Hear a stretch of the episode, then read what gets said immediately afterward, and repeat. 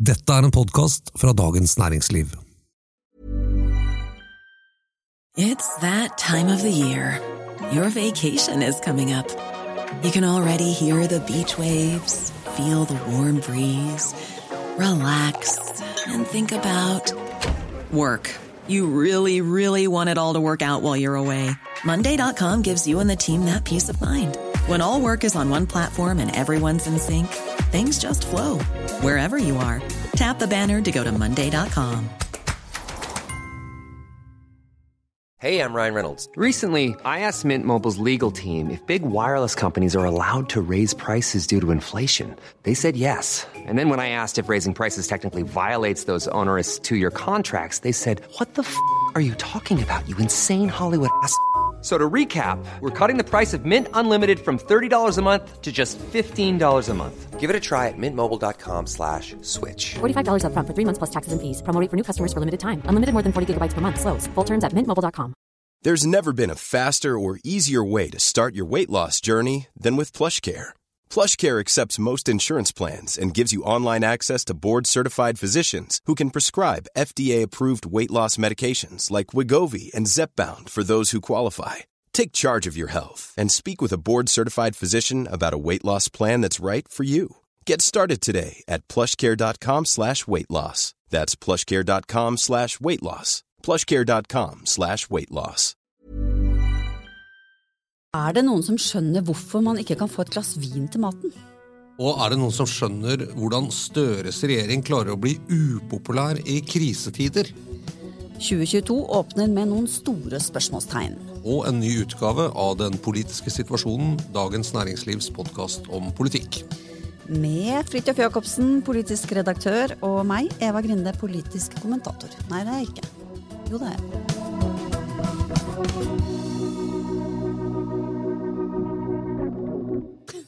Jo, det er det nå, i hvert fall. I dag er det det. Eh, blant, mye, blant mye annet. Eh, ja, samfunnskommentator, som er min favorittittel. Samfunnskommentator, Mm. Men til saken, Eva. Eh, julen er over, nyttårsfeiring er over osv. Eh, men det ble, som en svensk kompis av meg sa en gang, når ikke folk hadde sett han på byen lenger, ja, men jeg har supert hjemme.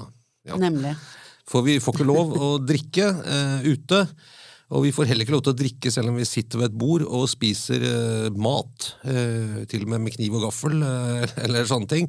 Vi er på skjenkestopp, nasjonal skjenkestopp i hele Norge, og det har vi vært siden før jul. og det bygger seg opp, eh, vi så på debatten i går på NRK, Mm. ganske mye frustrasjon. Ikke bare fra bransjen, eller Nei. Ja, Debatten tirsdag i NRK Ja. tok jo opp uh, dette her. Nei, det er jo også Begynner å liksom rasje litt med de politiske sablene her. Uh, det er jo en sak å lett bli litt populær på, da. Eh, Selvfølgelig. Å være imot nasjonal skjenkestopp. Altså, nasjonal skjenkestopp er ikke populært. Selvfølgelig. Det er, det er liksom en sånn kjip politisk beslutning å ta. Og den bør være veldig godt begrunnet. ikke sant? Og det som man nå begynner å lure på, er det forholdsmessig å pålegge hele landet, helt uavhengig av smittesituasjonen i den enkelte kommune og område osv., total alkoholforbud ute da, på serveringssteder. ikke sant? Og det er jo litt for Ja da, man kan dra og spise og sånn, men eh, det viser seg jo det at de fleste tar ikke en sånn bedre middag ute og drikker eplemost til. Nei. I hvert fall veldig få, da. Nei, ikke sant? og julebordsesongen, den, eh, nå, nå røyk jo den for mange serveringssteder fordi folk rett og slett etter dette julebordet på Louise, hvor så mange ble smittet, så tror jeg mange eh, De behøvde ikke få noe beskjed om at det ikke var så lurt å gå ut og, og, og, og kose seg med, eh, sammen med mange folk på, på tettpakkede steder. Men, men jeg har prøvd å tenke tilbake. Vi hadde jo tror jeg, nesten sju måneder med eh, skjenkeforbud i Oslo, eh, og det var ganske lenge også i resten av landet. hadde vi det? Ja, ja, det- Fullt skjenke... Ja, det, jeg går Jeg syns det er vanskelig å skille disse periodene fra hverandre nå. Men det stemmer kanskje, det? Ja, det var, det var liksom siden godt før lenge, jul og langt ut mot sommeren. Eh, det, og det var ganske tøft. Og ble det riktignok opphevet noen andre steder, og i andre byer så, så var det enklere og så videre, og gikk litt opp og ned. Men Ja, For da var det lokalt. Det er jo et- av ankepunktene. Hvorfor kan det ikke bestemmes lokalt? nei, ikke sant? Også, men da da var det en del engasjement rundt det om eh, serveringsbransjen eh, og kulturbransjen fikk nok kompensasjon. Eh, fikk de liksom, Var ordningene gode nok? Eh, klarte man å holde på kompetanse osv.? Men, eh, men det mitt inntrykk, da, som jeg husker det, var at folk var, ikke, var liksom sånn Ja, dette er fælt, og det er, øh, og det er belastning osv., men, men vi skjønner det. Vi, vi på en måte godtar tiltaket. Vi vil bare ikke at øh, folk skal bli så skadelidende av det, de som lever av å skjenke. Men denne gangen så oppfatter jeg vel at hele begrunnelsen for skjenkestoppen eh, ikke klarer å feste seg helt. Altså Det er ikke bare konsekvensene for bransjen som folk reagerer mot nå, men det er er det virkelig nødvendig?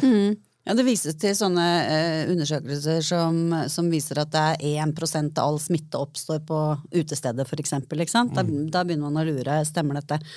Um, og så tror jeg det var en ganske annen stemning i midten av desember, da omikron eh, var nytt, ikke sant? og det kom som en sånn eh, ja, e- e- et vell av usikkerhet som liksom festet seg, og da, da tror jeg du får med deg folk på ok, nå gjør vi dette litt for sikkerhets skyld. Og du hadde også den DS Louise, ikke sant, som, som jo ble jo en internasjonalt kjent case på hvor utrolig smittsomt dette omikron-viruset kunne være. Eh, Men så, så er liksom spørsmålet om, eh, om det er nødvendig lenger. Er det forholdsmessig? Viser det seg nå over tid at dette var nødvendig? Altså de tallene som FHI la fram i midten av desember, er jo også blitt veldig omdiskutert. ikke sant? Der er det jo helt, et helt bakland av diskusjoner rundt hva slags modeller som ligger til grunn for den. og sånn, Men der var det jo snakk om innen tre uker kan vi få hva var det? 200 000 smittede, eller noe sånt? Det var noen Ja. sånne, eh, og, og, og nå har de tre ukene gått, og vi har liksom 5000 og, og litt over 100, eller et par hundre innlagt på sykehus. ikke sant? Så det, det er ikke noe i nærheten. Og det var jo noe av de tallene der som lå bak liksom den eh, ja, Ja, nå er det alvor. godviljen, igjen? Ja. eller det at folk aksepterte at man gjorde noe så, så inngripende, da. Ja, ja, for det er jo en relativt galopperende smitteutvikling på dette omikron-viruset. så er Men ikke i nærheten av det FHI snakket om Nei, i midten av nei. desember. Men hvis vi skal prøve å ta en, en pålagt edruelig gjennomgang, da, som er en ting jeg har prøvd å Ja, ikke sant, nå veldig fiks eh, i 2022 her. Jeg kan ikke plinge, til det er sånn plastkopp. Jeg har hatt ferie, som du skjønner. Eh, har veldig mye opplagrede ordspill som ingen andre har orket å høre på. Men, eh, men eh, jeg får ikke helt fatt i hvem er det i praksis som har bestemt at det er nødvendig å stenge all servering av alkohol? Er det, er det en politisk beslutning? Er det en faglig beslutning? Er det liksom, får du tak på når du hører på begrunnelsen? Hvor er det beslutningen er tatt? Ja, altså Tilbake til den debatten på tirsdag. da, Så, så sto jo um, Frode Forland eh, fra FHI der sammen med helseminister eh, Kjerkol. Ikke sant? Og det hørtes ut som det var han som var politikeren, på en måte. Altså Han kjørte på med ganske sånn Dette dette vet vi, eh, at folk når de drikker, så, eh, så blir de mer grenseløse. Det er noe, det er ikke noe tvil om det. Eh, Det er vanskelig å skille mellom en, liksom, utestedet, begynne å liksom si du skal få lov og du skal ikke få lov. Det, det er en sånn enkelhets greie om at vi bare sier nei til alle nå i en periode. Også pluss at man må la tiltak virke en stund for å, for å få sett om de faktisk virker. Altså, du, du må på en måte stå i det. Men Kjerkol sto på en måte ikke i det. Hun, var ikke noe, hun virka ikke som hun trodde på det der tiltaket selv. Ja, De skjøv det litt over på Vi gjør bare som fagmyndigheten sier. Ja, det, det, det oppfatter jeg er en noe annerledes på en måte politisk kommunikasjon enn det vi var vant til fra den forrige regjeringen, som sa vi hører på faglige råd, vi tar faglige innspill, vi tar faglige anbefalinger, men det er våre beslutninger. Og det er vi som grunngir dem, og vi, vi peker på en måte ikke på eh, altså Alle spurte jo Nakstad og Camilla Stoltenberg hele tiden, og de kom med sine ting, men, men de var liksom nøye med å si at det er våre beslutninger når vi handler eh, i tråd med det fagmyndighetene sier, eller det med én fagmyndighet sier, eller også når vi ikke handler i tråd med det fagmyndighetene sier, så, så, så står vi for det. Mens her oppfatter jeg at denne regjeringen er litt sånn vi, vi, vi bare gjør som de sier. på en måte. Altså, det er en slags, noe, det, kan det ligge liksom et element av ansvarsfraskrivelse her, som folk reagerer på? Jeg, jeg syns i hvert fall at de ikke fremstår med den samme type autoritet som, som Solberg-regjeringen gjorde. Det er, at, det er jo vanskelig å huske sånn helt tilbake. Det er mulig at det var noe de bygget seg opp over litt tid og ble gode på etter hvert. Men, men jeg syns i hvert fall begynnelsen eh, av denne regjeringens eh, tid da, og, og, takling av eh, koronakrisen har ikke vært spesielt eh, tillitvekkende. Og det, ja, det ser man jo også på, på støtten til den regjeringen. Hvor, er det du mener tilliten Hvor er det liksom tillitsdimensjonen svikter for deg her, da? Hva, du, hva, hva skulle du ønsket deg mer av for å ha mer tillit? Nei, jeg, jeg, jeg tenker at uh, at vi får en klar formening om at her sitter det kompetente folk som vurderer all informasjon på, uh, på en god måte og tar beslutninger og står for dem. Mens, eh, sånn som du også nevnte, at, at jeg, jeg, tror det, kan, det, handler kanskje mye om kommunikasjonen. Som igjen da gjerne viser til noe substansielt under. ikke sant? Det er jo ikke Det er jo Ja. Nei, jeg, jeg, jeg tror det, det, er den derre litt unnvikende, litt sånn vi har helst ikke lyst til å holde på med dette, men vi er tvunget til det, på en måte. Altså en litt passiv krisehåndtering. Life is full of awesome what ifs, and some not so much, like unexpected medical costs. That's why United Healthcare provides Health Protector Guard fixed indemnity insurance plans to supplement your primary plan and help manage out of pocket costs. Learn more at uh1.com. It's that time of the year. Your vacation is coming up. You can already hear the beach waves, feel the warm breeze, relax, and think about work. You really, really want it all to work out while you're away. Monday.com gives you and the team that peace of mind. When all work is on one platform and everyone's in sync, things just flow wherever you are. Tap the banner to go to Monday.com. Hey, I'm Ryan Reynolds. Recently, I asked Mint Mobile's legal team if big wireless companies are allowed to raise prices due to inflation. They said yes. And then when I asked if raising prices technically violates those onerous two year contracts, they said, What the f are you talking about, you insane Hollywood ass? So to recap, we're cutting the price of Mint Unlimited from $30 a month to just $15 a month. Give it a try at mintmobile.com slash switch. $45 up front for three months plus taxes and fees. Promo for new customers for limited time. Unlimited more than 40 gigabytes per month. Slows. Full terms at mintmobile.com. Eh, en sak du, du eh, har skrevet ganske mye om uh, og sånn, måte, organisasjoner som leder fram til beslutningsprosesser og, og, makt og hierarki og ledelse og den type ting. Men en liten sak i VG som som kom, som jeg tror heller ikke var noe god sak for regjeringen, var en sak om at de eh, nå i regjeringskonferansene, altså det man kan si de, de lukkede, uh, uoffentlige møtene som regjeringen har som kollegium, eh, som, hvor man diskuterer saker, og hvor det forberedes gjennom disse R-notatene, eller regjeringsnotatene, som det har vært snakk om av og til, som er hemmelige på en måte forberedelsesdokumenter, altså interne eh, forberedelsesdokumenter i en regjering. Eh, at under Solberg-regjeringen så hadde de med eh, representanter for FHI, eh, Folkehelseinstituttet og Helsedirektoratet, og av og til også andre, i selve den typen drøftinger. Og dette er jo ganske sånn her er jo ikke regjeringen bare en samling statsråder med forskjellige på en måte siloer, men, men det er et politisk kollegium som det er snakk om. Og at, at, de fagpersonene ofte var inne der i deler av disse møtene, eller kanskje hele, for å kunne bli spurt fra flere ulike statsråder og komme fram til en slags omforent koronapolitikk. Men denne regjeringen har valgt å ikke gjøre det. Mm. Eh, og liksom faggrunnlaget kommer inn da antageligvis til Helsedepartementet, eh, som jo tar imot fra FHI og, og, og Helsedirektoratet, og så kommer det inn i regjeringen via den greiene. Og det synes jeg, og de har heller ikke noe eget koronautvalg, som, som jo den forrige regjeringen hadde. og det jeg merket at det var sånn Er det noe som ligger der, at beslutningene virker litt svake og kanskje blitt kjørt litt fordi det ikke har vært flere som et kollegium som har sett på det fra alle mulige tenkelige vinkler før det skal ut? Ja, og det, og det kan jo kanskje nesten virke litt sånn eh, paradoksalt, fordi på en måte kan man jo tolke det sånn at dersom du tar inn fagmyndighetene inn i liksom beslutningsrommene, da, enten det er eh, regjeringskonferansen eller dette RCU, regjeringens eh, koronautvalg, um, at, at, da får liksom helsemyndighetene og fagpersoner større makt. Men på en måte så kan det ha, også ha den motsatte effekten. At de bare informerer Helsedepartementet, som så det er jo de som da eh, forbereder disse R-notatene, regjeringsnotatene. Og så blir beslutninger tatt på det grunnlaget uten at, andre, at representanter for andre departementer får stilt spørsmål underveis. Så, så det er veldig, veldig interessant. Det der, håper det også blir liksom gjenstand for sånn, sånn studie ettertid, hvordan det der har funket og, og liksom, med og uten den type nært samarbeid. For det, det, er jo grunn til å tro at mye av det som var Solberg-regjeringens eh, suksess Eh, som jo veldig mange er enige om at det var, til en stor grad var.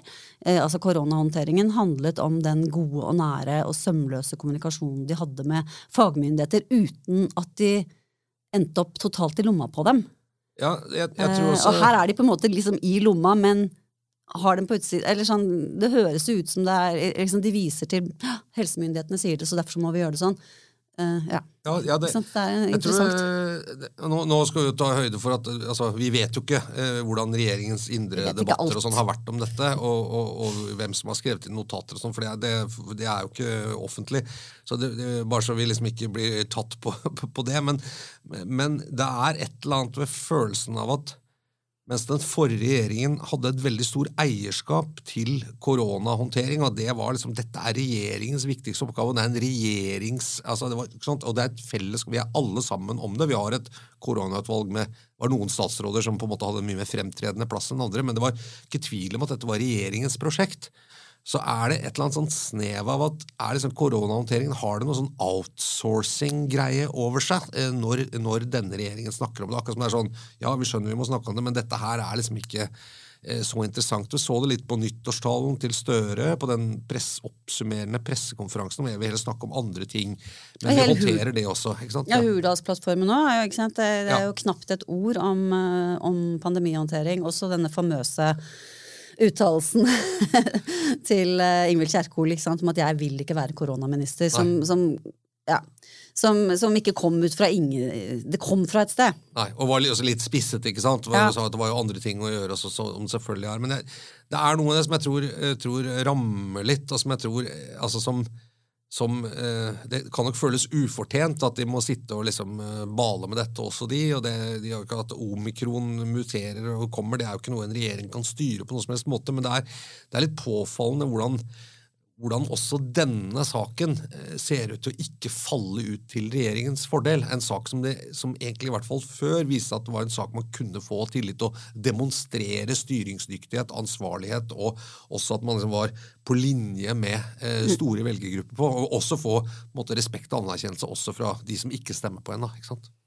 Ja, og eh, Vi har jo snakket om det før, at vi må gi liksom litt, eh, litt slack på det at de ble på en måte bombardert av ulike kriser straks de kom i regjering. Men jeg tenkte på en annen side av, av, av, korona og tiltakene der de kommer bedre ut, mener jeg. Det er, eh, det er, altså sett fra regjeringens side, hvordan de kommuniserer. Det er jo denne saken med, med lærere og fritidskarantene og karantene. Ikke sant? Hvor jeg syns uh, kunnskapsminister Tonje Brenna eh, svarer på en måte overbevisende for seg. Eller, eller, hun er på en måte, hva skal vi si, hun eier litt den upopulære beslutningen, da, som jo går ut på at at lærere, i motsetning til andre, eh, hvis de har vært i nær kontakt med en smittet person, kan eh, teste seg ut av eh, jobbkarantene etter én dag istedenfor etter tre dager. Ja, de, de, de, kan jobbe selv om de er i karantene, ganske raskt. ikke sant? Ja, raskere enn andre. Vi, vi andre eh, vi kan begynne å jobbe etter tre dager, men må fortsatt ha fritidskarantene. Mm. Eh, mens lærere eh, kan jobbe etter én dag og fortsatt ha fritidskarantene. Og det er jo fordi man skal gå så langt som mulig for å unngå å stenge skoler og barnehager. Men, men, men ikke sant, Steffen Handal hvis jeg hadde vært lærer, så hadde jeg ønska meg en annen uh, leder. Altså, jeg synes han, han fremstår Altså, det som han syns er det vanskelig eh, Sånn som han sa på nytt og på nytt, det var vel Politisk kvarter her på tirsdag eller mandag, eh, at eh, det er ulogisk at, at vi skal kunne jobbe, men være i fritidskarantene. Det det er ulogisk og uforståelig for våre medlemmer. Men akkurat den mangelen på logikk er vi alle, i så fall. Hvis det er hvis det er så fryktelig urettferdig, så er jo det noe som rammer oss alle. Det er bare at det er litt de er litt raskere tilbake i jobb som lærere, da. Mm, mm. Eh, så jeg syns, eh, jeg syns Når han da samtidig sier at jeg skjønner at vi er nødt til å ta vår samfunnsskjerv på en annen måte enn mange andre, og, og vårt ansvar osv., så, videre, så syns jeg ikke det blir så veldig troverdig. Nei, jeg er altså enig i det at Tonje Brenna eh, Det som jeg synes har vært litt imponerende For det første er hun jo veldig eh, klar i talen. Det, det, eh, hun er rett og slett god til å snakke. Hun er flink, konkret og, og tydelig. Men også det at hun tør å stå i beslutninger som også er upopulære. altså I, i ganske to, massiv kritikk fra Utdanningsforbundet, som er den største lærerorganisasjonen, og som jo selvfølgelig er en viktig uh, yrkesgruppe for denne regjeringen. Eh, så, så tør hun å si nei, men sånn må det være. ikke sant? Og så, og så, hun, hun tør å stå i det upopulære. Jeg tror det vil, det vil stå seg, og prøver heller ikke på en måte å skylde på andre eller gjøre den tingen. Det, det, er, det er noe i den kommunikasjonen som jeg tror Da tenkte jeg, her, her var det et eller annet som for meg var i hvert fall til, tror jeg ville virke tillitvekkende og, og, og ansvarlig. ikke sant? Eh, Også fordi at koronabeslutninger vil jo alltid være upopulære. Og, det, og i går, eh, eller på debatten når, når Kjerkol ble konfrontert med, med serverings- og restaurantbransjen Hun kunne jo like gjerne vært en næringsminister eller noe sånt som hadde blitt det, men da det var som hun liksom rygget litt vekk ikke fra, fra ansvaret. Istedenfor å si og Jeg, jeg syns det er litt rart, fordi vi vet at omikron kom til Norge på en restaurant hvor folk var på julebord. Det er egentlig en ganske sånn grei sammenheng å si at ja, dette er eh, drit, men, men det er det vi må gjøre til vi har skjønt litt mer. Og så eh, får vi si at eh, som Raymond Johansen sa, vi skal ikke være stengt en dag mer enn nødvendig. Men per nå så er det nødvendig. Sånn er det, liksom. Ja. Og, og isteden så blir det en veldig sånn eh, defensiv holdning, da, tror jeg. Ja. Hun sleit jo litt med de motargumentene med at uh, vi er liksom det eneste landet i hele Europa som gjør akkurat dette her, ikke sant, og at uh, andre Ja. Eh, og denne undersøkelsen som viste at det er, det er like effektivt å, å stenge skjenkinga klokka ti om kvelden, selv om den hadde mange svakheter osv. Så sånn at, men, men det er noe med å ja. Igjen, han, eh, han eh, FHI-representanten fremsto som mer av en eh, politiker enn det Kjerkol gjorde. Ja. Rollen er snudd. Ja, eh, ja. Eh, og det er jo, faller jo inn i et bilde som, som jo er veldig tydelig, hvis vi ser på meningsmålinger, at eh, velgernes begeistring for denne regjeringen har eh, mattet ganske betydelig av siden valgdagen. Eh, Det er betydelige fall på meningsmålingene både for Senterpartiet og Arbeiderpartiet på flere målinger, så det er liksom ikke noen sånne outliers med en måling her og der. Det, det, går, det er det man kaller det som en tydelig korreksjon eh, på flere målinger som gjør at nivået har gått ned. Mange har satt seg på gjerdet, mange har gått andre steder. Og, og en kollega her, Ola Magnussen Rydje, hadde jo en sak i DN hvor det sto at det er, ingen, på, det, er, det er 50 år siden en regjering har gjort det så dårlig etter så kort tid. etter Ja. at den uh, tiltrådte. Ja. Ja. Det er jo ikke noe hyggelig rekord, egentlig. Uh, hvis man ser på Senterpartiet, for eksempel, da, så har jo de, eh, de, de er jo nå under 10% igjen. Og sånn bakenforliggende tall, i hvert fall i én av disse undersøkelsene, eh, eller målingene, viste at 55% av de som stemte på dem i september, ikke lenger ville stemt på dem nå. Og det er jo en utrolig høy grad av illojalitet. ja. Og det sier jo litt om eh, det som vi egentlig vet, men altså at misnøyestemmer er ofte ganske utro saker, da. ja. Ikke sant? Fordi at du og, og nå sitter jo plutselig Vedum bare bastet og bundet på hender og føtter og kan ikke bruke sitt S i det hele tatt lenger, ikke sant, som finansminister. Og misnøyestemmene løper av gårde, særlig til Fremskrittspartiet, ja. Ikke- som jo kjører på. Altså, Misnøyestemmene gjelder det å ha akkurat på valgdagen. Ikke sant? Man, liksom, med, med en viss politisk erfaring sier at det er, det, er ikke, det er ikke så farlig etterpå, for da har man dem i fire år, så kan man jo heller bevise. Men, men det er påfallende at, også, også påfallende at begge partiene eh, detter, fordi at koronahåndteringen har jo Altså både Arbeiderpartiet sett- og Ja. Senterpartiet. Ja, Ja. for, for, for Mm. den har jo stort sett vært håndtert av Arbeiderpartistatsråder. Det er jo Kjerkol, det er Støre selv, selvfølgelig. Eh, og så er det næringsminister Vestre. ikke sant? Arbeids- og sosial det ligger hos Tajik. Kunnskap med alt som har med skole å gjøre, Mm. hos Tonje Brenna. Så dette er jo en ganske sånn Det er mange arbeiderpartistatsråder som har vært i fremtredende når det gjelder koronahåndteringen. Så hvis folk er misfornøyd med den, så skulle man jo tro de ville straffe der. Men Senterpartiet har jo vært mer det var ikke så mange av de statsrådene som er så frempå. Eh, Vedum er jo en relativt usynlig finansminister, eh, vil jeg si, eh, de siste, og partileder, ikke minst, de, de, siste seks ukene i hvert fall. Så, så tror de har det litt vondt og vanskelig. Ja. Det er ikke så gøy for dem under strømkrisen heller. Er liksom det, hvordan skal de altså, Det er ikke så mye handlingsrom der. De, de, de er jo imot på en måte hele systemet og kabler til utlandet og vil helst nasjonalisere i mye større grad. Og, ja. Ja. Det er jo det partiet egentlig står for, eh, og det er ikke så lett å begynne å kjøre på med nå, fra regjeringsposisjon. Nei, for der så jeg også, eh, tror jeg, en ting som, og dette er jo interessant, hvordan vi som eh, befolkning og velgere forholder oss til eh, eh, regjeringens håndtering av, av kriser, enten det er økonomiske kriser eller utfordringer. Eh, og, og håndtering, altså det, Finanskrisen i 2008-2009 eh, økte jo oppslutningen rundt eh, regjeringen Stoltenberg. Og noen sa jo også at det var en av grunnene til at han klarte å vinne valget i 2009, var nettopp håndteringen av finanskrisen. Eh, selv om det var jo veldig krevende og veldig usikkert for mange. Eh, det dramatiske oljeprispallet i 2015, som også er en internasjonal hendelse som påvirker oss, mange arbeidsplasser røyk. Eh, mange mistet jobben i oljebransjen, spesielt i Rogaland. Men, men ble også oppslutningen rundt eh, Solberg og Siv Jensen, som da var liksom de to fremtredende i regjeringen, eh, de fikk, liksom, eh, de fikk eh, betalt for det, og de vant jo også valget i 2017. Det var jo var Høyre-Frp-regjeringen som ble gjenvalgt i 2017. Så, så, det, så det er noe med at Altså, uten, altså Kriser som kommer utenfra, som man egentlig ikke har skapt selv. og Strømkrisen er jo typisk en krise som havner hos oss fordi vi henger sammen med resten av verden. De, de Ja, men det var de det vi ikke skulle gjort. Nei, men det, men det er jo ikke så vanskelig å få folk til å forstå det, tror jeg. Selv, selv om denne debatten er blitt sånn vi må bare kutte alle kabler og, og isolere oss fra verden. Da ville vi vært spart for den strømkrisen.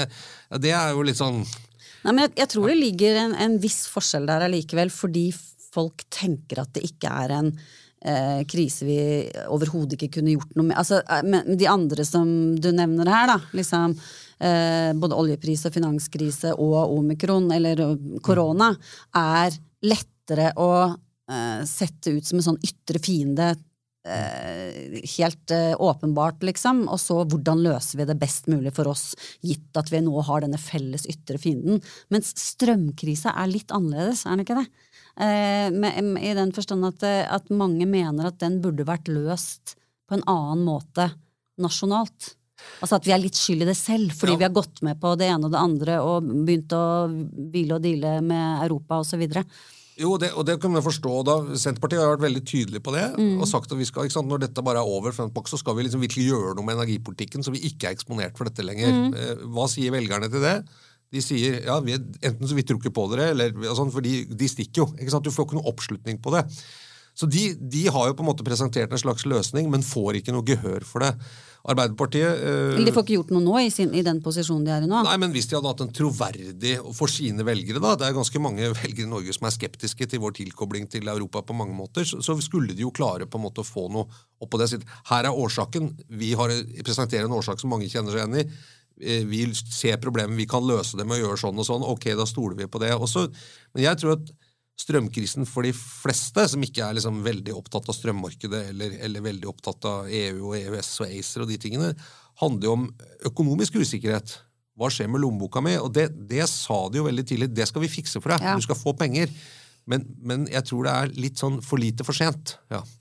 Ja, det viser seg jo det at det er ikke Vi mangler jo ikke strøm i Norge. voldsomt mye man får kompensert heller. Så altså, selv med denne løsningen så vil folk merke det ganske Eller en god del folk antagelig merke dette veldig Ja, for, for vi, på økonomien sin. For vi mangler jo ikke strøm. Ikke sant? Poenget er at vi har, vi har nok energi. så Det er ikke sånn at vi må rasjonere på strøm, som andre land må gjøre, eller, eller i Storbritannia hvor det var sånn det mangler gass, så vi må rett og slett være litt forsiktige med når du skrur på komfyren og sånn. Men, men, men det er bare at den er for dyr, eh, og det kunne man jo løst med å kompensere. Men jeg tror også her så, så taper man narrativet, på en måte, og så ender man i en debatt som er mye større og mer grunnleggende, f.eks. Om, om kabler til Europa, som, som er som en enormt stor debatt, et veldig sånn enormt skifte i energipolitikk, istedenfor å klare å ta av en sånn eh, pristopp. da. Eh, og det tyder altså et eller annet med det som ikke er ja, ikke tror jeg påvirker. Eh, eh, men det er jo flere det har vært mange andre ting å ta av også. selvfølgelig. Stortingsprosessen som måtte gå av. Der også tok det litt tid før man erkjente problemet. Mm. Prosessen med å finne en ny var veldig rotete og tydet liksom på intern strid og liksom gjenopplevet gamle partistrid i Arbeiderpartiet osv. Så, videre, og så, videre. så det, det har ikke vært noe heldig år. da. Eh, Jeg tror ikke de bare kan skylde på at de har fått de krisene. for å si det sånn. Nei, nei, og som man sier, altså det å sitte i regjering er jo rett og slett eh, krisehåndtering. Fra den ene til den andre. Så ja. Nei, men det blir, eh, det blir mye å snakke om fremover her. Ja, det, blir, det. det var veldig sånn avslutning. Og vi er ikke ferdig med dette. Det kommer vi helt sikkert garantert tilbake til. Eh, hvordan tror du de skal klare å snu dette rundt? da? Tror du det er liksom rock bottom nå, eller?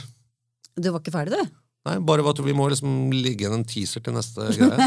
Hva snakker vi om neste uke? Snakker vi om at de liksom har snudd det, eller, eller bare fortsetter nedover? Nei, jeg har lært at man skal ikke spå om fremtida. Altså, til neste uke så kan det jo være komme til atskillig mm, flere nye kriser som vi ikke vet om nå. Ja.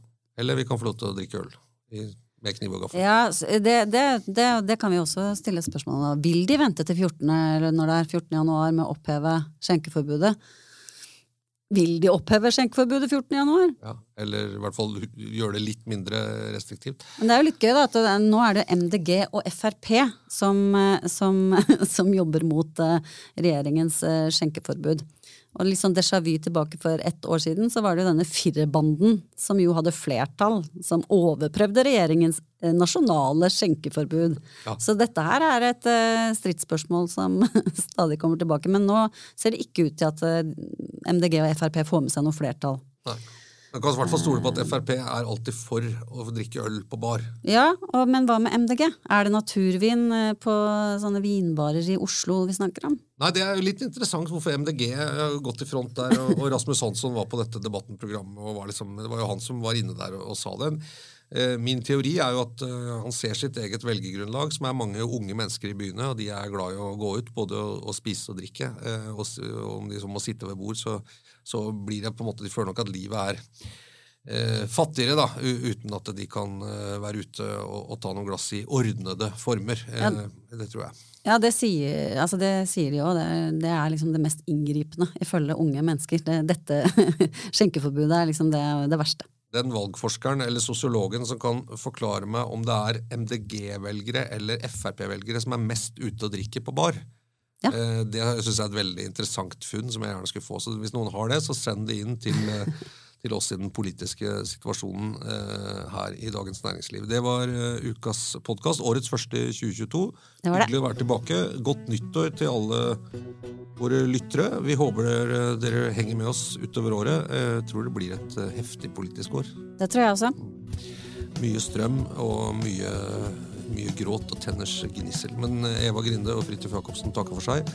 Eh, Produsent har vært Oskar Bremer. Vi høres igjen neste uke.